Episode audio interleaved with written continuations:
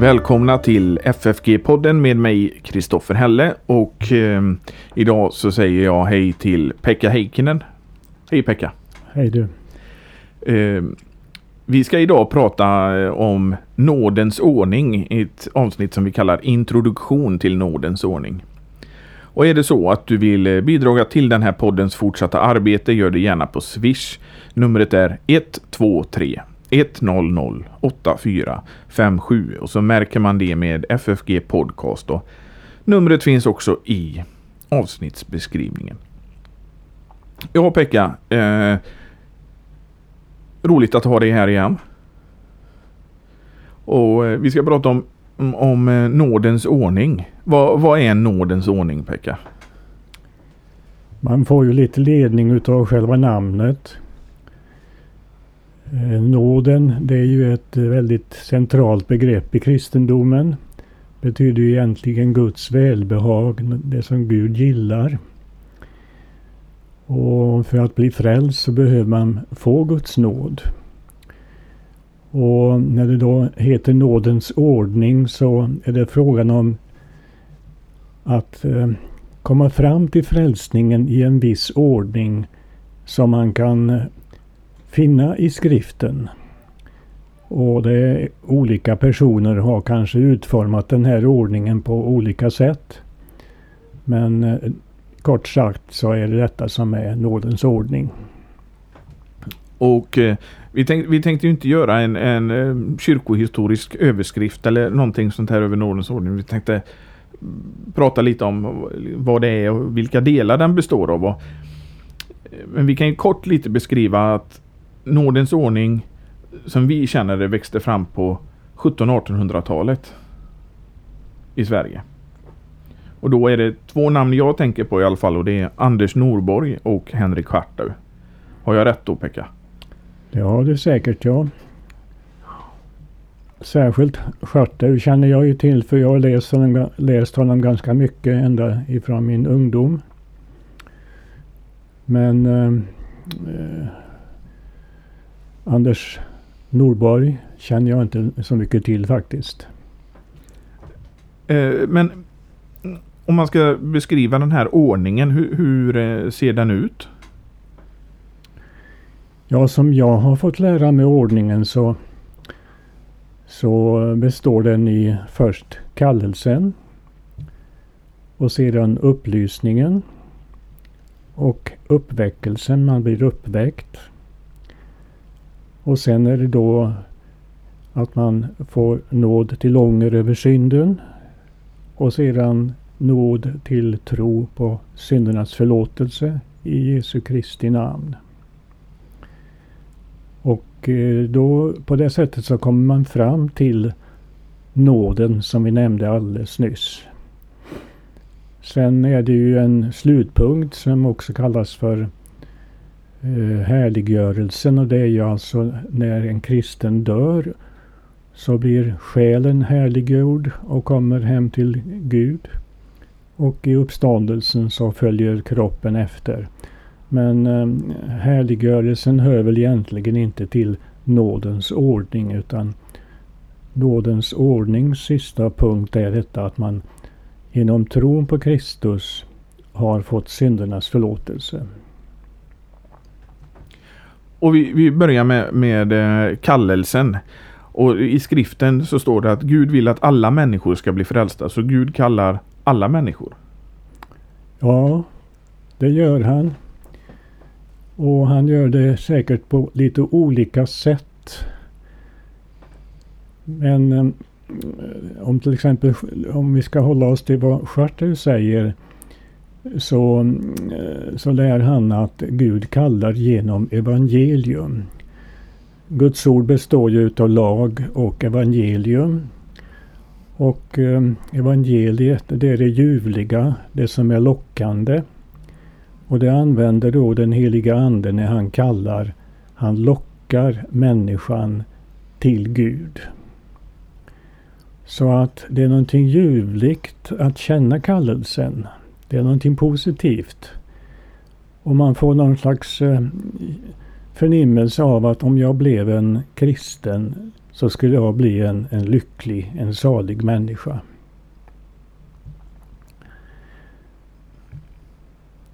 Sen, eh, ja Schartau säger att kallelsen det är någonting som man inte kan stå emot. Annars är det så med nådens ordning att människan kan antingen säga ja eller nej när de olika ordningarna kommer.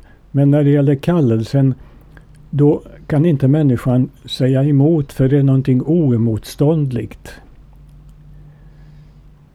Men eh, Gud kan kalla också genom livets olika händelser. Till exempel genom en sällsynt stor lycka och framgång. Eller tvärtom en sällsynt stor motgång och sorg. Det kan också bli en väckelse, det kan också bli en kallelse och väckelse. Vi kan ju tänka på pandemin nu i våra dagar att det kan också fungera som en kallelse ifrån Gud och en väckelse att man tänker efter vad, vad går livet egentligen ut på. Eh, men eh, det brukar ibland sägas att man ska ta tillvara på sin kallelse. Vad menas med det? Det är att man då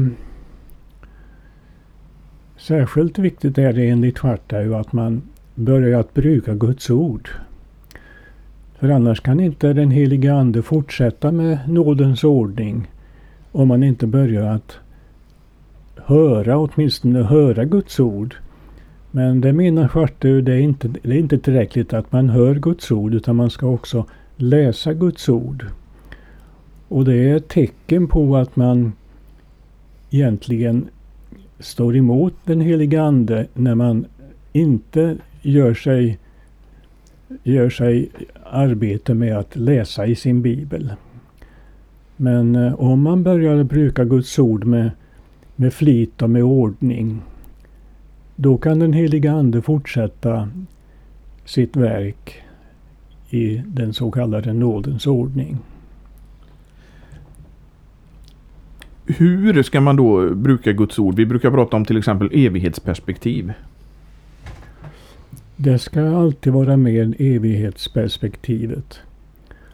Annars brukar rådet vara detta att man ska bruka Guds ord med flit. Det betyder att man gör det regelbundet. Man går till sin kyrka och, och lyssnar på predikan och man läser sin bibel regelbundet. Vidare att man gör det med bön. Så att man i bönen talar med Gud om det som Gud talar med oss i ordet som man läser eller hör. Och att man gör det med uppmärksamhet. Det betyder att man verkligen gör klart för sig att, att jag talar med och umgås med den allra högste. Det är inte vilken person som helst. Och att man gör det med lydnad. Så att man rättar sig efter det som man får höra och lära utav Gud i ordet. Och sen kommer det sista och det har med evighetsperspektivet att göra. Att man gör det i den avsikten att man ska bli omvänd och frälst. För det är det som man frågar efter. Kristus kommer ju till jorden och och, och, och, vill möta tro hos oss människor. Men en gång så sätter han ju detta i fråga och säger att månne Människosonen ska finna tro på jorden när han kommer. Men genom ett rätt bruk av Guds ord så blir man hjälpt fram till tron. Jag tycker vi ska tillägga, det är väl så att även den som är omvänd ska fortsätta att bruka Guds ord? Ja, absolut. Det det liknas ju vid maten. Det är precis som vår kropp behöver mat varje dag för att kunna fortsätta att leva. Så är det också med vår själ att den behöver daglig spis och föda. Och det är Guds ord.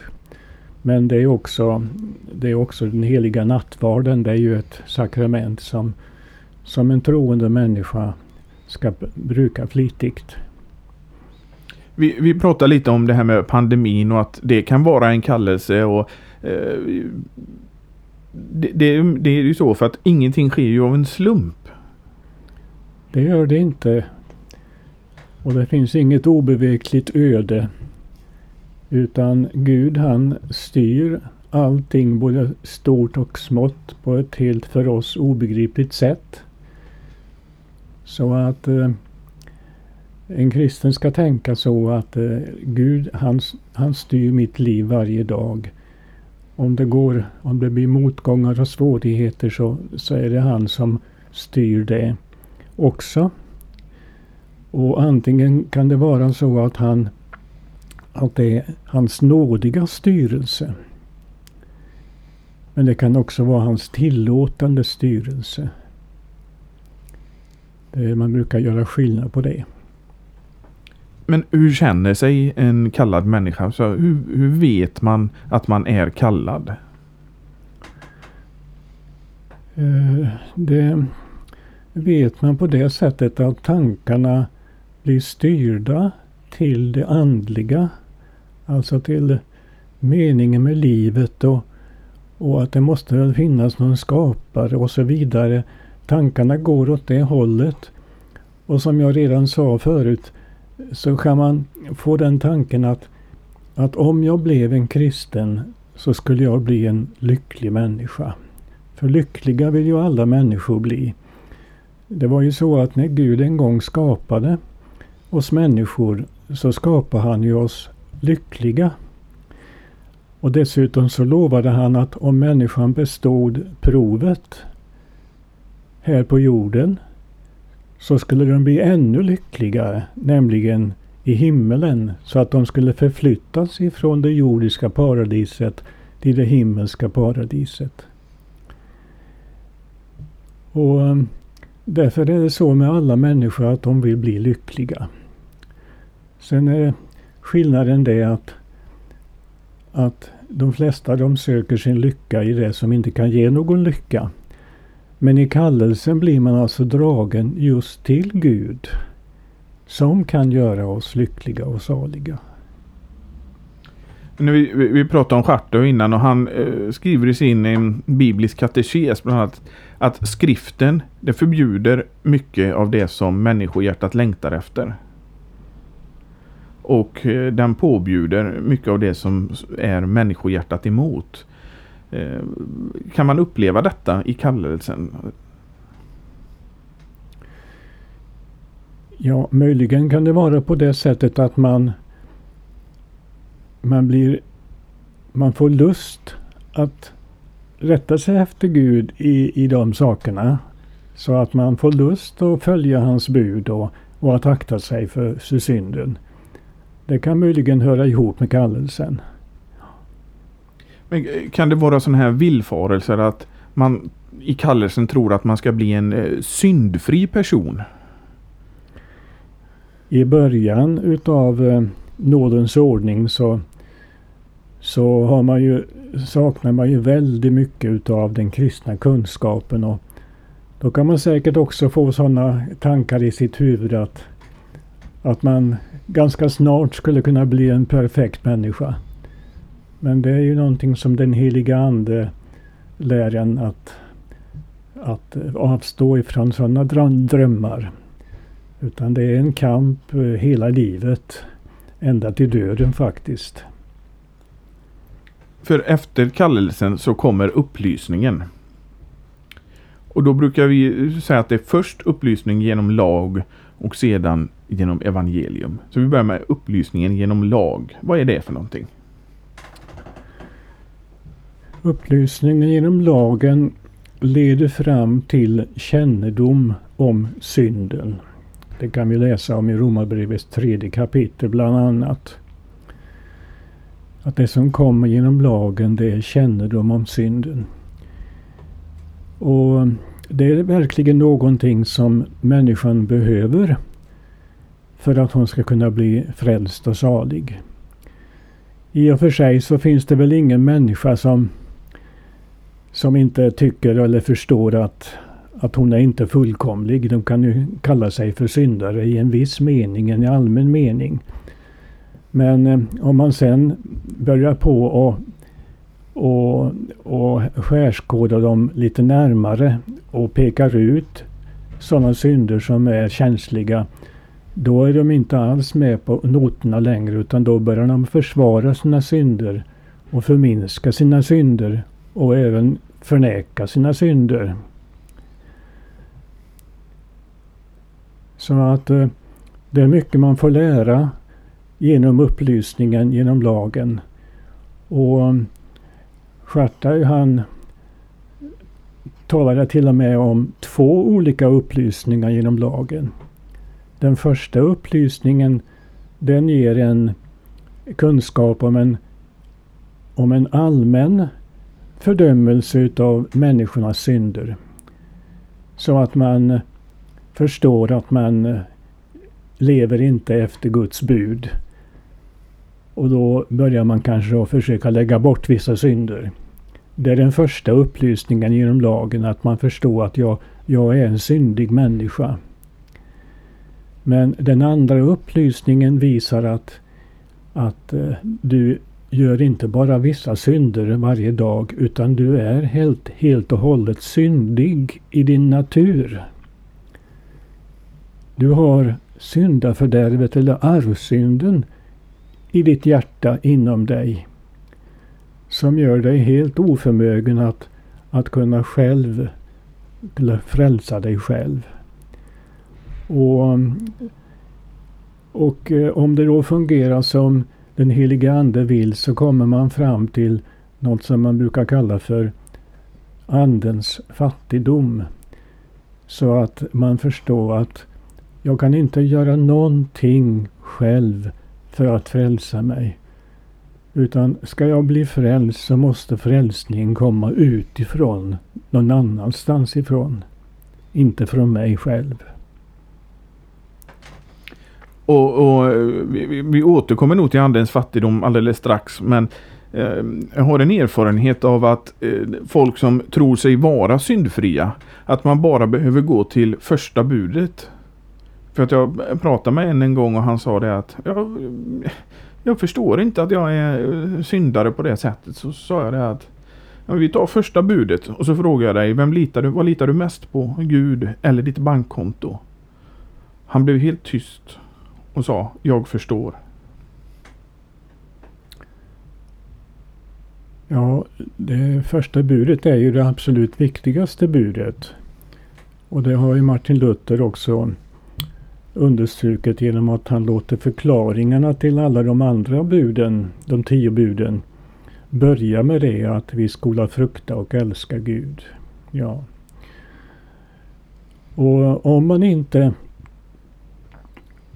om man inte har kärlek till Gud, då kan man inte heller ha kärlek till sina medmänniskor, utan det, det ena är en följd utav det andra. Men någon fullkomlighet blir det ju naturligtvis aldrig i detta livet. Vare sig utav kärleken till Gud eller till nästan. Utan har man kommit fram till en levande och sann tro på Kristus. Då börjar någonting som Luther ofta kallar det för en övning. Man får bara öva sig i kärleken. Men eh, någon fullkomlighet blir det inte utan det är till och med så att de allra bästa gärningarna som en kristen kan göra, de är syndiga. Ingen gärning är helt syndfri. När Gud som har ögon som ingen annan betraktar människan. Men när, när människan jämför sig själv Eh, med Guds lag och ser hur illa ställt det är. Bara man går till första budet och ser hur illa ställt det är kan det inte vara lätt för människan att eh, tappa mm, modet att gräva ner sig i det och se hur illa det är. Det skulle säkert vara helt förödande om det inte också fanns något som kallas för upplysningen genom, genom evangelium. För när den heliga Ande ser att en människa verkligen har kommit till att se djupet utav sina synder och gett upp sitt hopp om att kunna frälsa sig själv.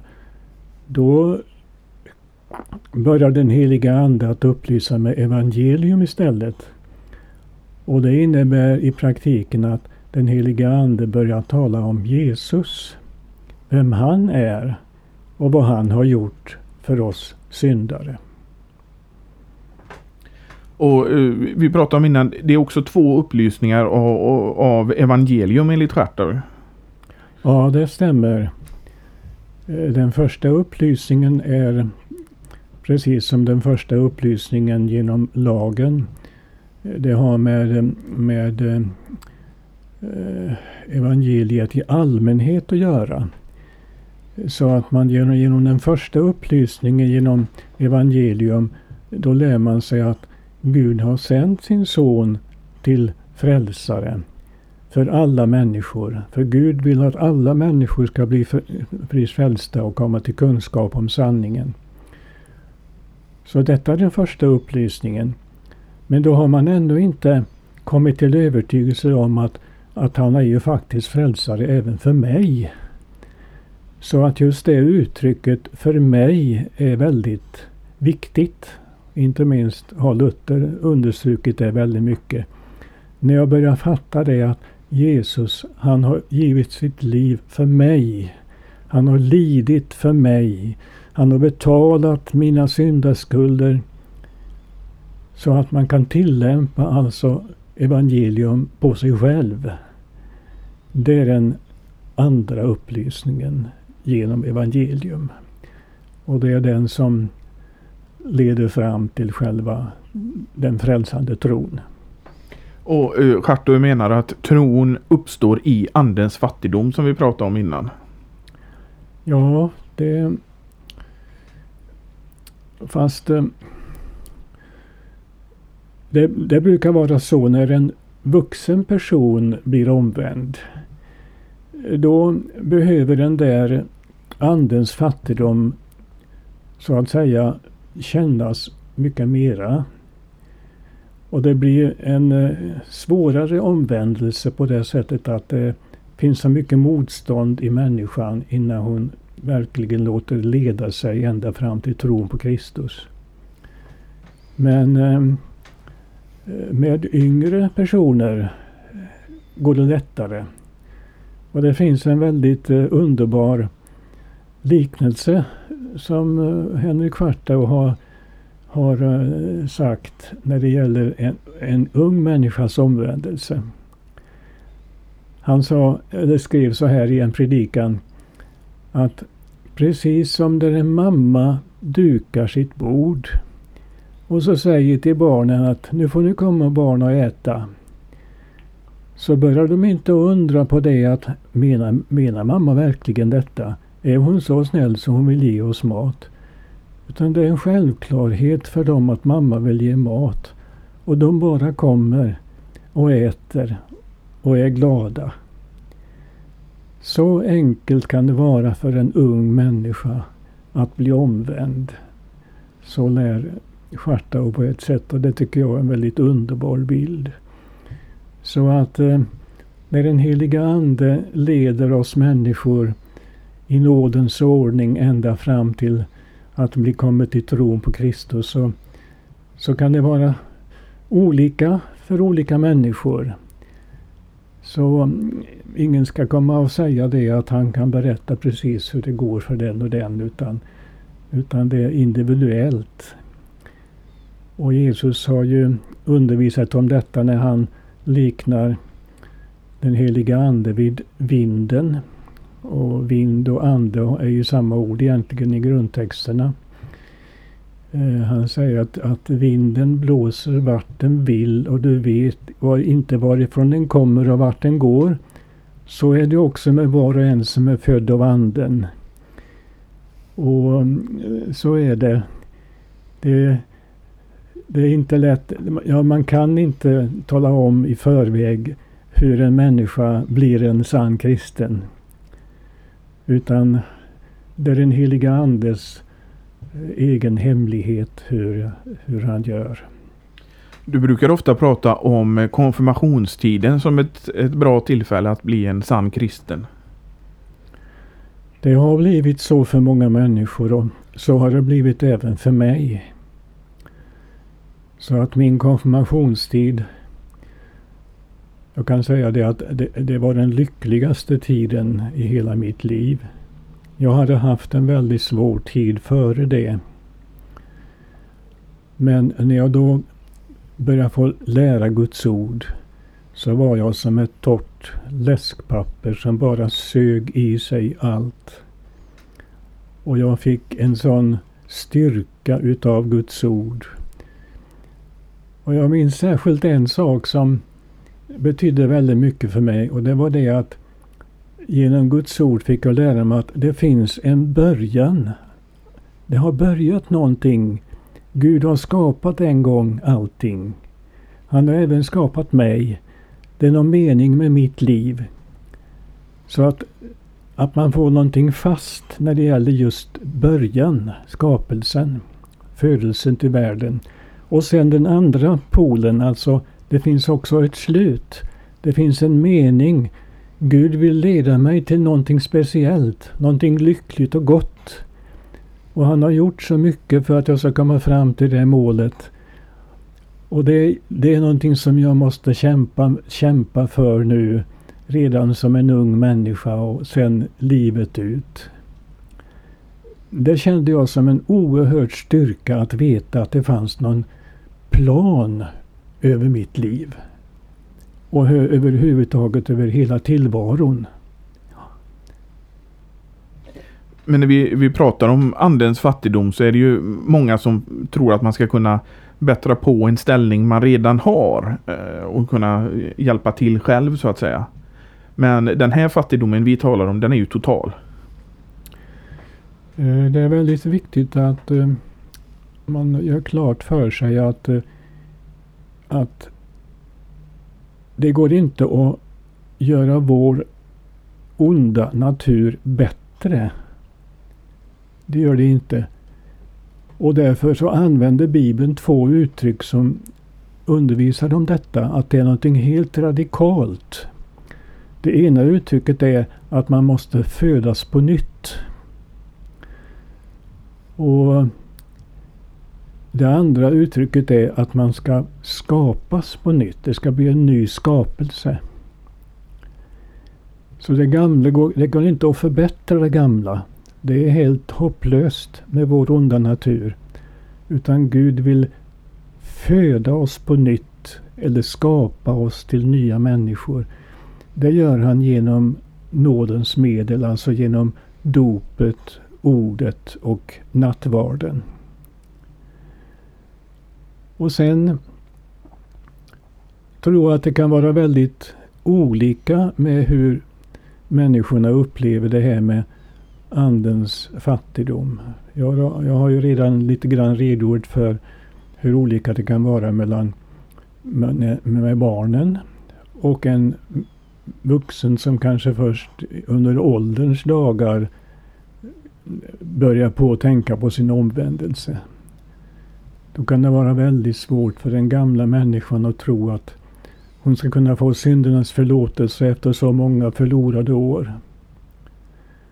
Och då behöver hon komma längre ner i den, det som vi kallar för andens fattigdom.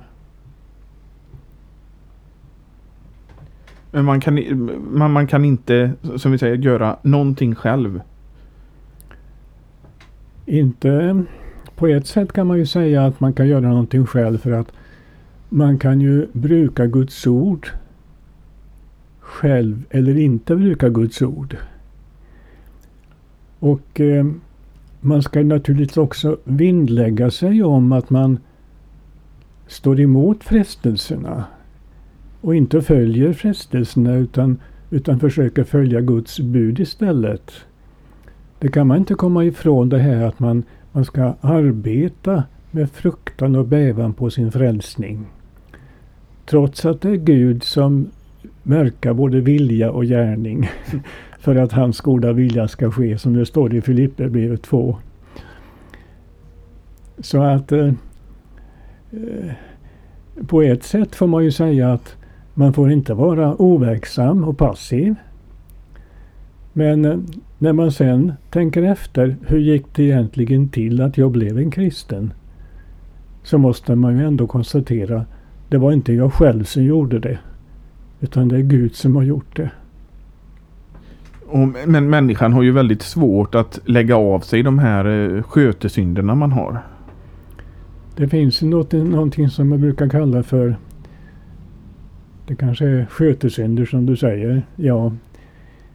Men eh, man kan aldrig tänka så att eftersom jag har, en, jag har så svårt med just de synderna så kan jag ju strunta i dem då och låta, leva efter, göra så illa som, som, jag, som jag egentligen vill. Det kan man inte. Det får man inte lov att, att, att, att ge upp utan det gäller att kämpa med fruktan och bävan.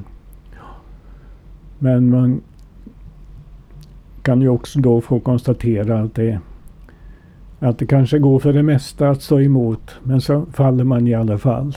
Ja. Så att eh, varje människa har någon eller några synder som, man, som hon särskilt får jobba med och som vållar ångest och, och, och bekymmer hela livet. Men då är det evangelium som, som får rädda oss. Den heliga Ande kommer och tröstar de som har det på det sättet. Han kallas ju också för tröstare eller som man sa för hugsvalare. Så att han, han, han försummar inte sitt arbete och dessutom så beder han för oss också. Det är någonting som ofta glöms bort att den heliga Ande som, som bor i en kristens hjärta, han beder där inne i hjärtat. Med suckar utan ord som det står i Romarbrevet, det är väl åttonde kapitlet. Så det är inte bara Jesus som ber för oss. Annars så talar man ju mest om hans förbön.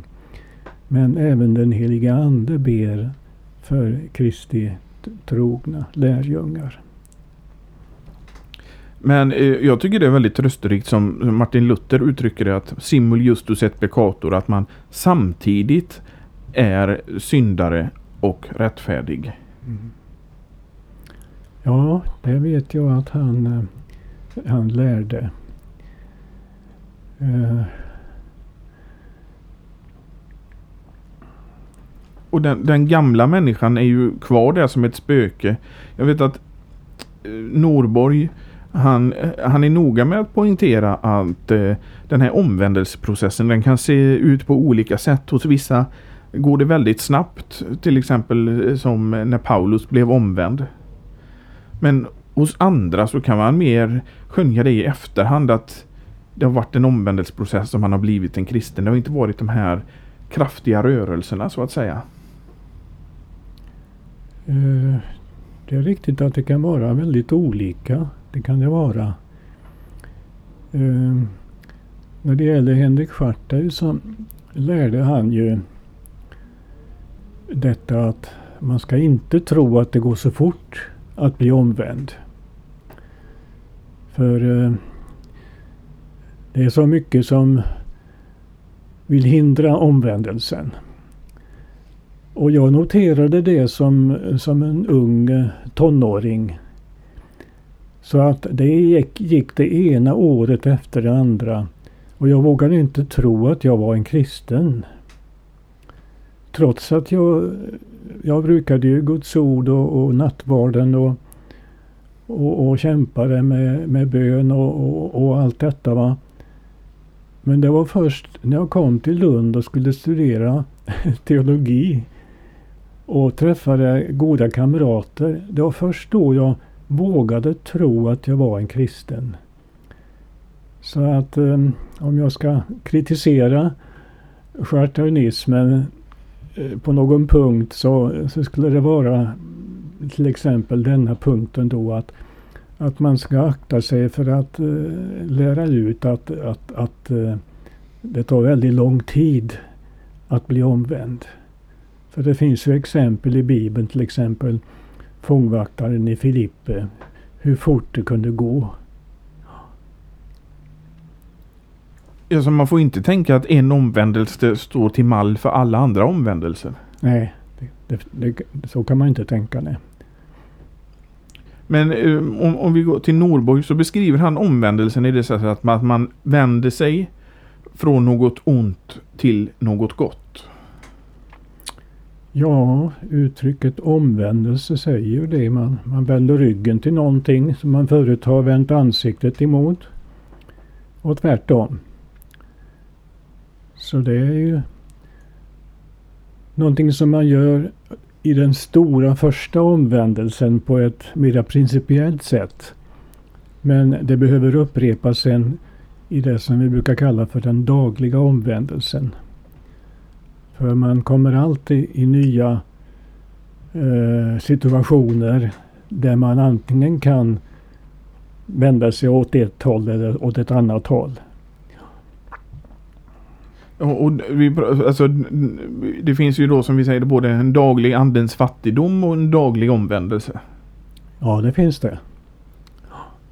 Det finns också en daglig kallelse. Så att den heliga Ande ger den kristna människan förnyade, förnyad längtan efter Guds ord så att man får kärlek till Guds ord. Och eh, kärleken till Guds ord den ökar ju hela tiden när en människa helgas. Så att eh, eh den kristna människan liksom växer ihop med, eh, med Guds ord med tiden. Och sen, eh, du nämnde också då att, att eh, man blir på nytt född. Ja, Jesus använder ju det uttrycket i sitt samtal med Nikodemus. Nikodemus han hade ju säkert kommit för att få ett, ett gott råd när det gäller livet. Hur man ska själv försöka frälsa sig själv. För så var det ju med fariseerna. Han var ju farisé, Nikodemus. Men Jesus han leder, leder in hans tankar på någonting helt, helt annat. Om en människa inte blir född på nytt så kan hon inte se Guds rike. Och sen preciserar han det mer och säger att om en människa inte blir född av vatten och ande så kan hon inte komma in i Guds rike. Och då brukar man tolka uttrycket vatten som något som pekar på dopet. Så dopet eh, det beskrivs i, i, i skriften så som ett frälsningsvillkor.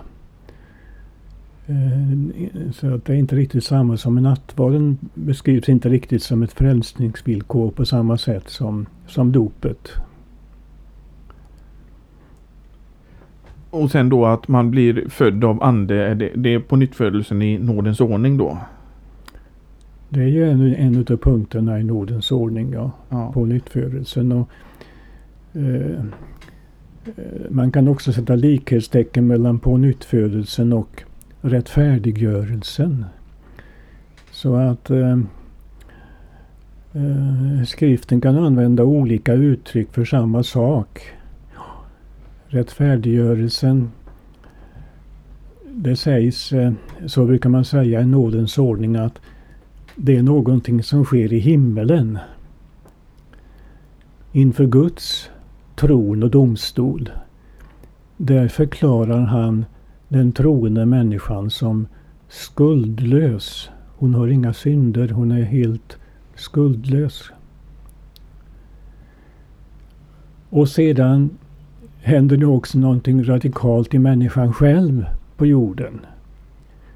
Och det brukar man i nådens ordning då kalla för nya födelsen.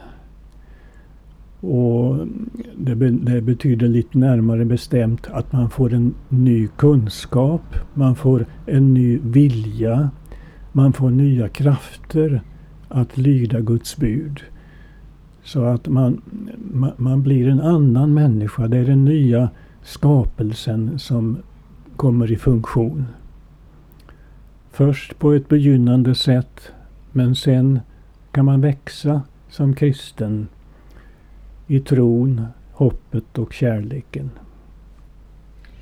Men eh, jag vet att det har funnits vissa diskussioner om på nyttfödelsen endast äger rum i dopet eller om det, det går att födas på nytt igen efter att ha avfallit. Vad, vad säger du om det? Ja, jag har ju fått lära mig så att säga i den tradition där jag har vuxit upp att, att har man avfallit ifrån sitt dop, vilket de allra flesta har gjort, så kan man genom ett rätt bruk utav Guds ord och nattvarden, särskilt Guds ord, så blir man född på nytt en gång till. Men det finns ju en del som inte gillar det där att man eh, kallar det för, för eh, pånyttfödelse utan man kallar det istället för att man blir, man blir uppväckt ifrån en andlig död. Eller man eh, det, att man vaknar upp ifrån den andliga sömnen, syndasömnen. Så de vill hellre använda det uttrycket, uppväckt. Jag vet inte om man behöver göra någon sak utav det. Men eh, uppväckelsen är ju någonting, någonting annat också som vi eh, särskilt inom den västsvenska traditionen pratar om också. Ja, det är just det här med samvetet. Samvetet. Eh, alla människor har ett samvete. Men eh, samvetet kan vara på olika sätt. Det kan vara ett sovande samvete. Det innebär att man inte man känner inte liksom man känner inte sin skuld när man gör synder. Utan eh, det, det, det går förbi som det inte hade hänt någonting. Eh, en samvete kan alltså sova. Det kan också vara vaket. Och, och det sovande samvetet det kan göras vaket genom Guds ord. Och det är ju framförallt genom lagen som den heliga Ande väcker det sovande samvetet. Sen kan man ha ett gott samvete när man har gjort det som är rätt enligt Guds ord. Man får ett ont samvete när man handlar emot. Och så finns det också någonting fruktansvärt, nämligen ett förtvivlat samvete. Och det är när man kommer till helvetet så påminns man om sina synder i all evighet. Men man kan aldrig få förlåtelse. Men vi brukar också eh, prata om eh, den uppväckta människan. Vilket är en annan sak också. Det är, det är ju då när samvetet har vaknat så har man blivit en uppväckt människa. Och sen gäller det att man inte somnar in igen. Men det kan bli så med kristna att de kommer in i en väldig sömnaktighet. Det har ju Jesus undervisat i, i liknelsen om de tio jungfrurna. Ehm, det var ju fem förståndiga och fem oförståndiga. Men om alla gällde att de blev sömniga och somnade då innan, då, innan brudgummen kom då. Men eh, vi förstår ju i alla fall på liknelsen att de förståndiga de räddade sig i alla fall för de hade ju olja i sina lampor och det hade inte de oförståndiga. Och oljan i lampan kan ju syfta på den heliga Ande som ofta också kallas för smörjelsen i, i Bibeln. Men de här uppväckta människorna ska vi vara noga med att de, de är inte frälsta. Ja, det är... Jag tror att det är på det sättet att i Bibeln används uttrycket uppväckt om de som är frälsta. Men i vissa andliga traditioner där använder man uttrycket uppväckt om sådana som är på väg att bli frälsta. De har inte blivit frälsta ännu. Men de är en bit på väg i alla fall. För de sover inte längre i sina synder. De är inte helt opåverkade. De är inte likgiltiga för sin frälsning. Utan de är noga med att de ska kunna bli frälsta. Men de har ännu inte kommit till den frälsande tron på Kristus. Så brukar vissa traditioner lära. Och så är det i, inom schartaunismen till exempel, gammalkyrkligheten. Och man, man, man är helt enkelt på vandringen i den här nådens ordning? Ja, det är man hela livet, ja. Mm. Men vi, vi, vi, pratade om rättfärdiggörelse innan. Vad, vad, vad, vad, menas med det egentligen? Ja, det är en sån där juridisk eh, term i Bibeln. Ehm, alltså, domaren förklarar vissa vissa brottslingar, eller vissa människor som anklagas, förklarar domaren som vara utan skuld. Det är alltså en, en domstolsterm. Um, så att um, det betyder inte att jag har blivit förvandlad i mitt hjärta och jag har blivit förvandlad i mitt leverne. Det är inte det som menas med rättfärdiggörelsen. Utan det är en, det är en dom som Gud fäller upp i himlen över en troende människa. Och det är först efteråt, efteråt som hennes liv börjar förvandlas. Och um, de romerska katolikerna kallar ju det för att bli rättfärdiggjord. Det är att man även blir förvandlad i sitt liv på jorden. Men eh, så tänker inte vi eh, lutheraner. Utan vi undervisar om det på, på det sättet som vår lärofader Luther har gjort. Att det är en domstolsterm och det är någonting som Gud gör i himmelen. Han förklarar den troende människan för skuldlös. Eller hon, att säga att hon, hon är fri från skuld. Det, det, framgår ju tydligt av eh, Paulus beskrivning i Romarbrevet hur, hur han använde den tidens eh, domstolstermer på grekiska också. Ja, det är riktigt. Det är väl därifrån som, som man har hämtat den eh, undervisningen. Att det är en domstolsterm. Eh, man brukar också tala om helgelsen. Vad är det? Det är en utav eh, ordningspunkterna i nådens ordning. Och det är någonting som kommer efter det att människan har blivit en sann kristen och kommit till tro på Kristus. Så börjar helgelsen. Eh, förhoppningsvis är det så att den troende människan blir kvar i tron ända till sin död och blir evigt salig. Och under den tiden då så helgar den helige Ande den troende människan mer och mer och mer. Och då, då växer människan i allt som är rätt och gott. Vi skulle kunna säga att hon växer i tron, hoppet och kärleken. Men man får inte tänka det att människan själv kan göra sig bättre och bättre och bli växa och läxa mer och mer i sin kristendom. Utan det som det står om Jesus på ett ställe att han är för oss gjord till visdom från Gud, till rättfärdighet, helgelse och förlossning. Så att det är Jesus som ska göra allt när det gäller nådens ordning. Och så är det också med helgelsen. Man kan inte helga sig själv utan det är Jesus som helgar oss. Och därför så är det så viktigt att en kristen ständigt, ständigt, dag efter dag vänder sig till Jesus och ber om hjälp med allt som har med kristendomen att göra.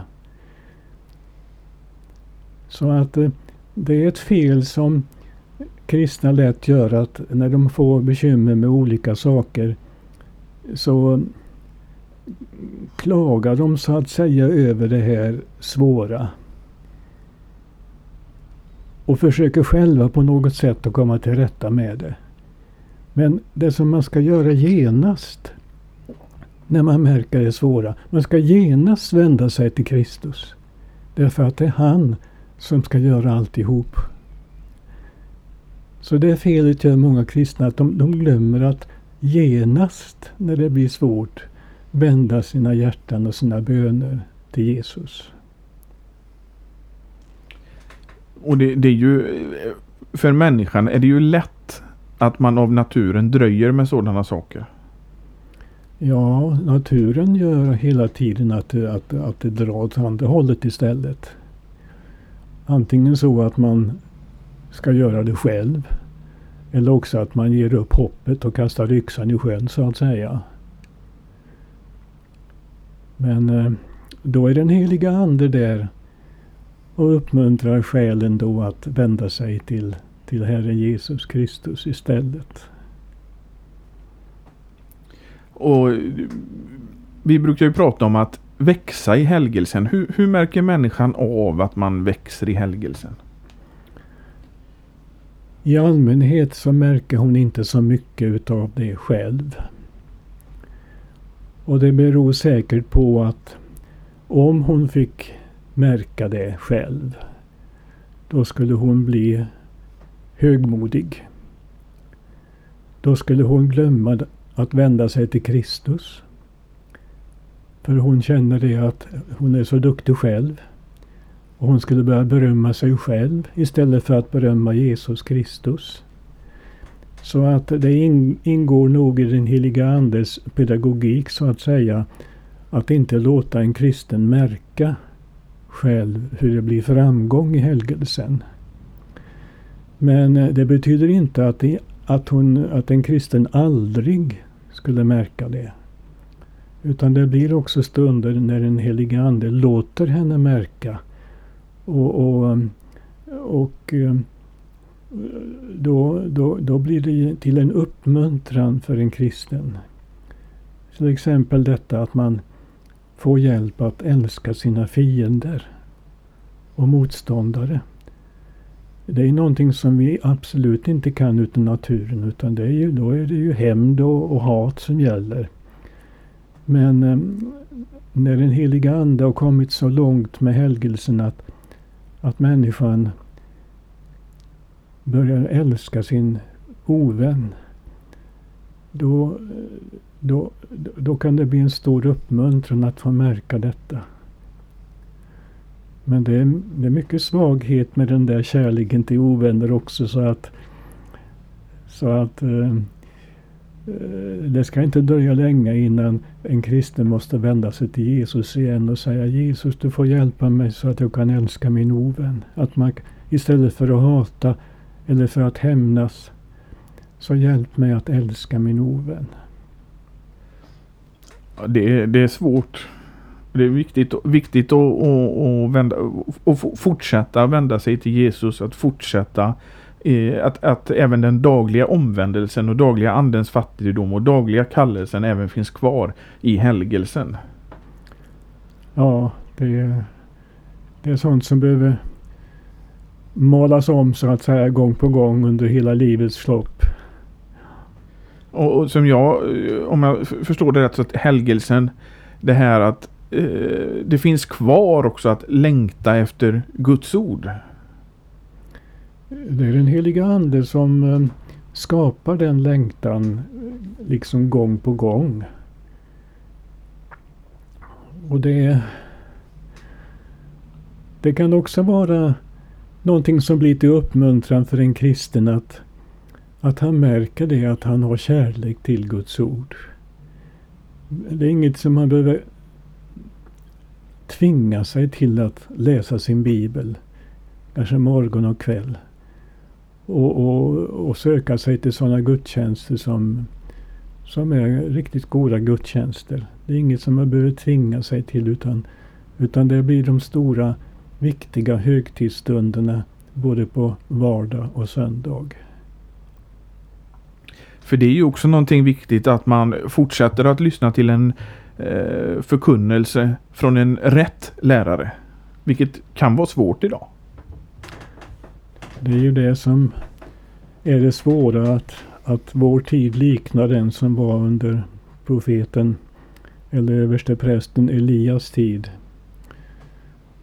Och eh, Samuels tid att eh, det var sällsynt med Guds ord på den tiden står det. Och så är det också nu i till exempel i vårt land att det är sällsynt med en eh, rätt biblisk förkunnelse.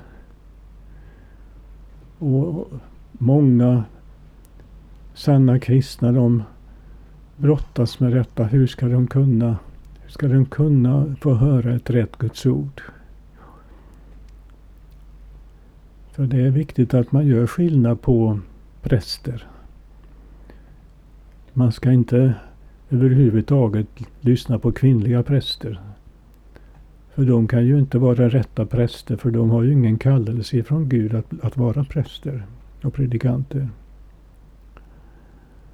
Men sen är det också jättestor skillnad på de manliga prästerna.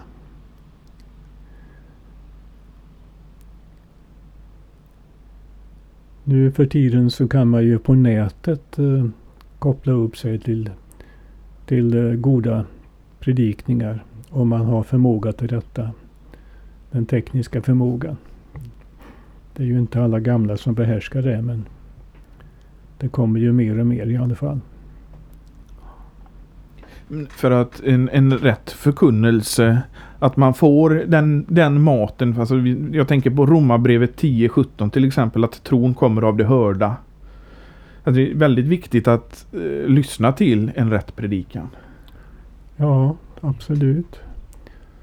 Och det förstår man ju när man läser Bibeln. För redan i, gamla, redan i Gamla Testamentet så görs det ju skillnad på profeter som Gud har sänt och profeter som har gått ut utan att vara sända utav Gud. Så det talas ju om eh, rätta profeter och falska profeter. Och, och Jesus följer ju den traditionen och varnar oss för falska profeter. Och så är det också med apostlarna i, i breven, de andra breven sedan i, i, i, och evangelierna. Så att eh, det är inte bara till att säga att eh, du ska gå i kyrkan. Säger man det till folk och så går de till kyrkan och, och, och så kanske det är kvinnliga präster eller, eller annars falska lärare. Utan man måste tyvärr säga det att du kan inte gå vart som helst. Utan du får se till att du får höra en, en biblisk undervisning. Och vi som är lutheraner vi kanske också vill tillägga att det ska vara i överensstämmelse med våra lutherska bekännelseskrifter. Jo, det är viktigt. Du har ju varit präst väldigt länge. Eller hur? Ja, sedan 65. Ja, det är dryga 55 år. Ja. Och eh, när eh, du har som präst också använt eh, nådens ordning. Ja, och eh, eh, i, i början kanske jag någon eller några gånger använde nådens ordning på det sättet att jag redogjorde i predikan för hur den här ordningen är. Men eh, jag kom, kom rätt så snart underfund med det att det är inte så man ska predika nådens ordning utan utan nådens ordning är någonting som prästen ska ha i bakhuvudet.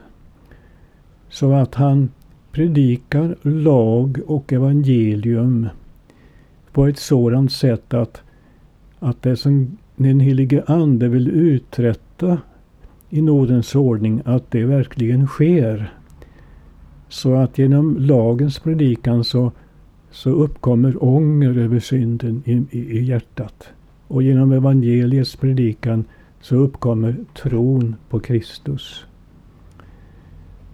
Så att eh, jag har ju efter bästa, bästa förstånd och samvete försökt att och, och, och predika på det sättet. Så jag har haft eh, nådens ordning så att säga i bakhuvudet. Jag tror att det är ett stort missförstånd om, eh, nådens ordning. Det är att eh, gammalkyrkliga präster, om vi nu ska använda det uttrycket, eh, bara står och predikar om nådens ordning hela tiden. Men så är ju inte fallet. Nej, det är det inte. Men det har nog, det har nog skett eh, ganska mycket, ganska ofta. Ja. Att man har stått och förklarat nådens ordning i sin förkunnelse? Ja.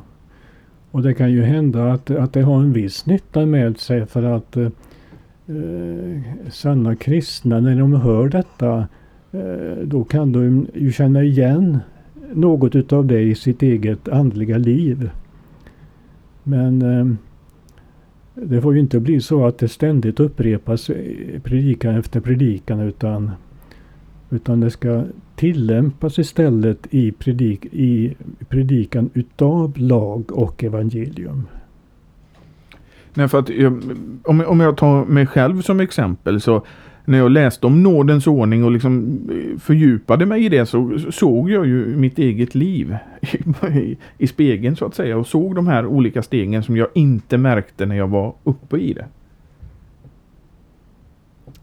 Ja, vad vill du säga med det då? Nej, men så att det, det är många, om man hör det som en helhet så kan man nog gå tillbaka och känna igen sig. Att det finns en igenkänningsfaktor både i förkunnelsen om nådens ordning men också hur det stämmer överens med Guds ord. Ja, det var det jag ville säga med det att, att, att det, en viss nytta kan det vara att få höra den, att, att den här ordningen redogörs för så att säga. Men det är inte det ordinarie förkunnandet utan av nådens ordning. Nej, I mitt fall var det läsandet av eh, goda postillor. Okej. Okay. För det är ju också ett sätt att bruka Guds ord som, som vi brukar påminna om. Att man kan läsa en god eh, predikosamling. Ja, särskilt Göteborgs stift är ju känt för att ha så väldigt många goda predikosamlingar. Så att jag, jag har ju både fått och själv köpt många sådana. Den första Samlingen som jag fick var utav en som heter Fredlund. Det är en skånsk präst tror jag. Det fick jag den boken utav min konfirmandlärare. Och sedan gav han mig Lave Jonssons predikningar.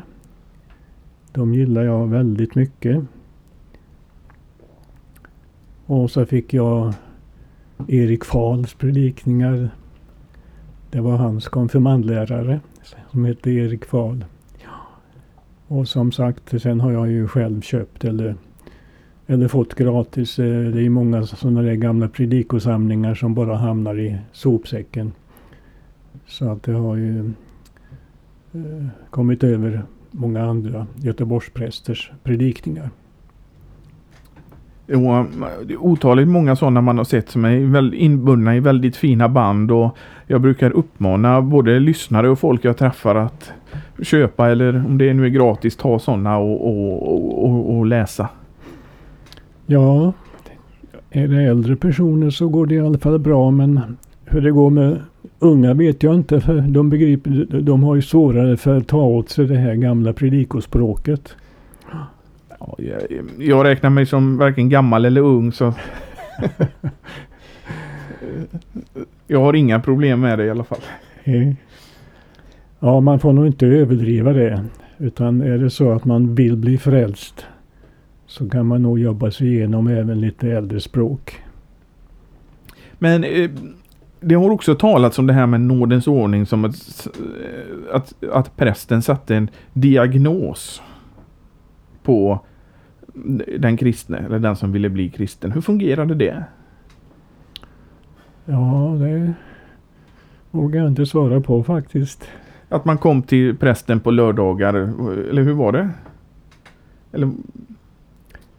Uh, Henrik Schartau hade ju den åsikten att, uh, att ska en människa, alltså en odaktig människa, bli omvänd och komma till tro så är det absolut nödvändigt att gå till en, en, en, en rättrogen präst och få personlig vägledning. Han hade den uppfattningen. Jag vågar ju inte säga att, att det är nödvändigt utan Utan det som är nödvändigt är att man läs, läser och hör ett rätt Guds ord. Och ber den heliga Ande om hjälp att kunna bli en kristen och, och leva och dö som en kristen. Det är det som är nödvändigt. Men, men om man eh, är anfäktad och inte vet eh, vad, vad man ska ta sig till. Då ska man väl söka upp, som vi kallar det för en rätt lärare? Ja, det ska man göra och då är det väldigt viktigt att man är fullständigt uppriktig. Så att um, om man får lite pinsamma frågor utav prästen så ska man inte försöka undvika då att svara eller komma med falska uppgifter utan man ska vara fullständigt ärlig. Och sedan om eh, det blir fråga om, om syndabekännelse och avlösning. Då ska man verkligen ta avlösningsordet, alltså tillsägelsen om, syndes, tillsägelsen om syndernas förlåtelse. Det ska man ta verkligen allvarligt, precis som det var Jesus själv som hade sagt det. För att Jesus har ju gett det uppdraget till de som är, har, har detta ämbete. Att, att de har det, den makten, eller man ska säga det uppdraget att förlåta synder. Men just när det gällde gammalsyndkyrkligheten så har det faktiskt varit så att, att, att man har inte att, att det här personliga besöket och samtalen med prästen, det har inte lett till bikt. Utan det, får, det har räckt med själavårdssamtalet. Och det har jag för min del eh, upplevt ganska mycket. För jag var, får man väl säga, en, så en ovanlig yngling. Så att efter min konfirmation, när jag höll på att läsa min bibel och det var vissa saker jag inte begrep. Så ringde jag till min konfirmandlärare undrade jag fick komma och prata med honom. Och jag gjorde det många gånger. Och på det sättet så undervisade han mig. Det blev själavårdande samtal. Men det var aldrig frågan om bikt. Så att det, det, har, det, har, blivit mest så inom den gammalkyrkliga traditionen att avlösningen har då varit med en mer del i gudstjänsten så att säga. Ja, just det. Och innan var det väl så att man hade inom i gammalkyrkligheten finns det ju fortfarande kvar men man hade ju de här nattvardsförhören också när man gick på gången så att säga. Ja, det var många olika förhör inom gammalkyrkligheten. Bland annat då nattvardsförhör.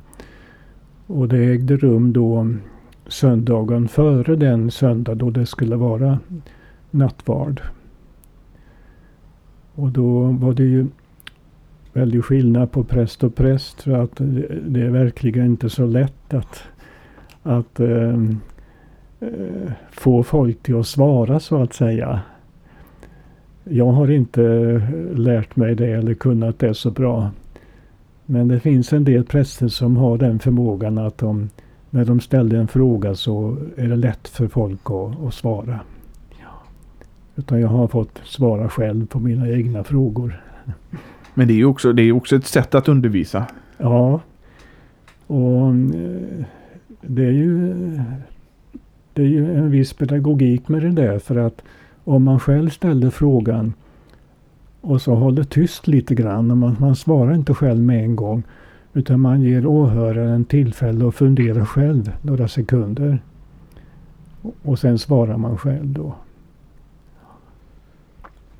Men de här förhören som, alltså jag, jag tycker ju själv personligen att de här nattvardsförhören har varit väldigt nyttiga och, och väldigt eh, uppbyggliga.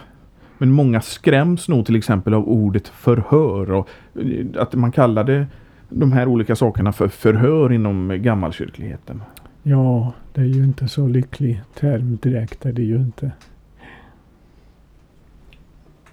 Men eh, har, har du i din prästtjänst mm, sett folk växa i den här nådens ordning?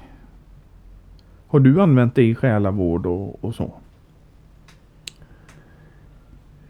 Jag tycker att jag har inte fått en egentligen någon större gåva när det gäller att vara själavårdare. Jag uppfattar eh, min gåva istället så att jag är en lärare. Alltså jag har fått gåvan att undervisa i den kristna läran. Men jag har inte, eh, så uppfattar jag det själv alltså att jag, att jag, jag har inte den där gåvan att vara en herde så att säga för fåren. Och det har också visat sig på det sättet att, att det inte är så många som har uppsökt mig privat för att få själavård. Så jag tror att det finns någonting i mitt väsen som gör att de inte har vågat, eller hur jag ska uttrycka, och komma till mig.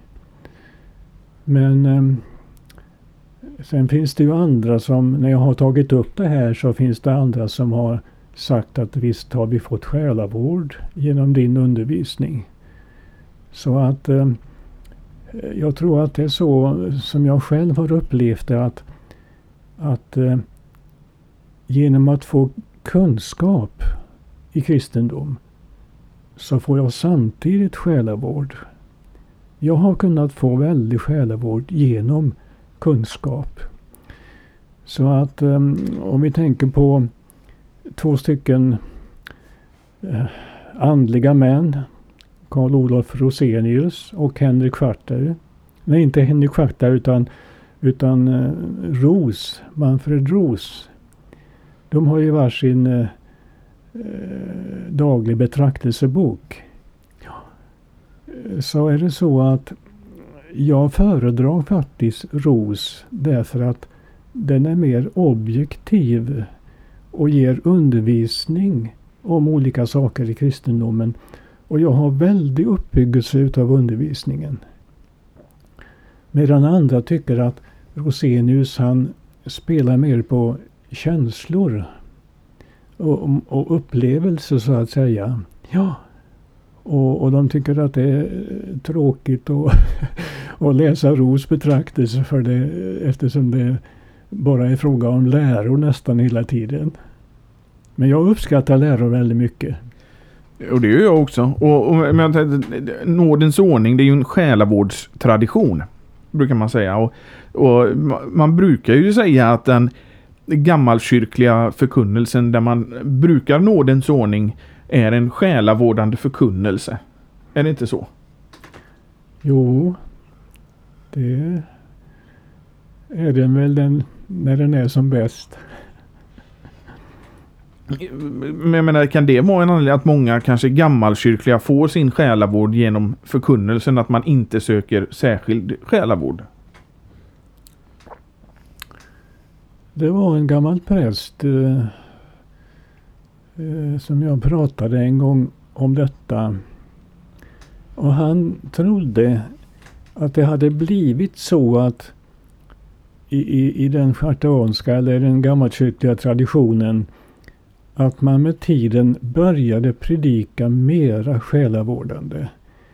Och då, då försvann mycket av det här behovet att gå och besöka en präst privat. Därför att prästerna började mer och mer predika själavårdande.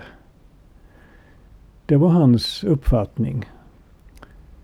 Det, jag vet inte om det var rätt men det, jag vill ändå berätta det för det var mycket, en gammal mycket god präst. Ja, men det, det, kan nog mycket väl stämma men jag tänker på Schartau själv skrev ju sina brev i andliga ämnen som är eh, själavårdsbrev och är väldigt eh, bibliskt centrerande och tröstande. Ja, han var ju den store mästaren. Det är inte lätt att imitera honom. Nej, det, det, är sant. Alltså han, han, ehm, eh, han gör det som följer i Luthers tradition att han tröstar med evangelium helt enkelt. Ja, det är ju det man kan trösta med. Lagen ger ingen tröst utan det gör att man blir rädd istället. för Gud och hans vrede och hans straff. Men jag kan berätta hur jag fick höra att på ett kontraktsmöte en gång så ställde man en fråga till en mycket betrodd gammal prästman. Vad är det som kristna människor behöver höra mest? Och först ville han inte svara. Men när de eh, inte gav sig så svarade han till sist. De behöver höra tröst. Så det får man inte glömma bort. Att trösta Guds barn. Jag tänker Luther själv skriver i eh, de schamarkaldiska artiklarna och under rubriken om evangeliet att det är också bröders tröstan av varandra. Ja. Det talar faktiskt eh, Henrik Schwartey också mycket om detta med eh, att de kristna människorna talar med varandra om andliga saker. Och han varnar dem ju för att prata massa skvaller och sådär. Och att man ska naturligtvis inte prata illa om andra människor. Men det blir ju väldigt lätt så att när kristna människor träffas att de eh, klagar på eh, hur svårt det är i denna tiden med kristendom och så. Och det blir väldigt sällan några andliga samtal. Jag har inte upplevt det faktiskt som, som kristen och som präst att, att andra kristna bröder och systrar har talat med varandra om andliga saker. Men ehm, eh, Schartau han gör det. Sen å andra sidan så har det ju också varnats i, inom gammalkyrkligheten att man ska inte prata om andliga saker bara för att det så ska vara. Utan eh, då får det verkligen vara någon anledning till innan man börjar prata om andliga saker. För det är verkligen viktiga saker detta med andliga ting. Och det är inget som man kan prata om som en annan, andra pratar om vädret utan, utan eh, då får det verkligen gå på djupet i enlighet med Guds ord. Så det finns liksom två sidor utav saken. Men när man ska prata andliga ting är det inte också viktigt att man gör det med bön om den heliga ande som vägledare? Jo. Det... Om man, om man börjar tala om andliga ting tillsammans med en annan kristen så, så eh, är det säkert en god regel att man inleder med bön. Men jag tror att om, om vi tänker på nådens ordning eh, så kan det finnas de som är rädda. Förstår du vad jag menar med det? Alltså de är rädda för att jämföra sig själv med nådens ordning och när de jämför sig själv så förstår de inte riktigt hur, hur de ska göra. Att rädslor kan stoppa för att, att bruka nådens ordning så att säga.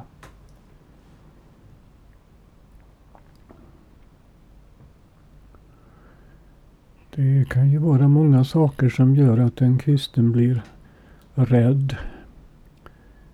Och kanske detta också som du nämner. Att man känner sig osäker på något sätt när det gäller så djupa saker som nådens ordning och, och hur långt har man egentligen kommit själv i sin kristendom. Men eh, då får man knäppa sina händer igen och be den heliga Ande om hjälp. Så att man inte fruktar i onödan för att, eh, att tala om sådana saker och tänka igenom dem. Mm. Jag tänkte Pekka att vi skulle eh, gå mot avslut. Vi har talat ganska länge. Har du någonting mer du vill tillägga innan vi eh, avslutar? Det finns säkert mycket mer att tala om men det kan nog räcka med detta. Ja. Vi får väl återkomma en annan gång till detta ämne. Möjligen. Ja. Tack för att du var med Pekka. Ja, tack, tack. Och eh, vi påminner att eh, om du vill bidra till församlingsfakultetens och poddens arbete så finns information hur du gör det i avsnittsbeskrivningen eller på hemsidan ffg.se.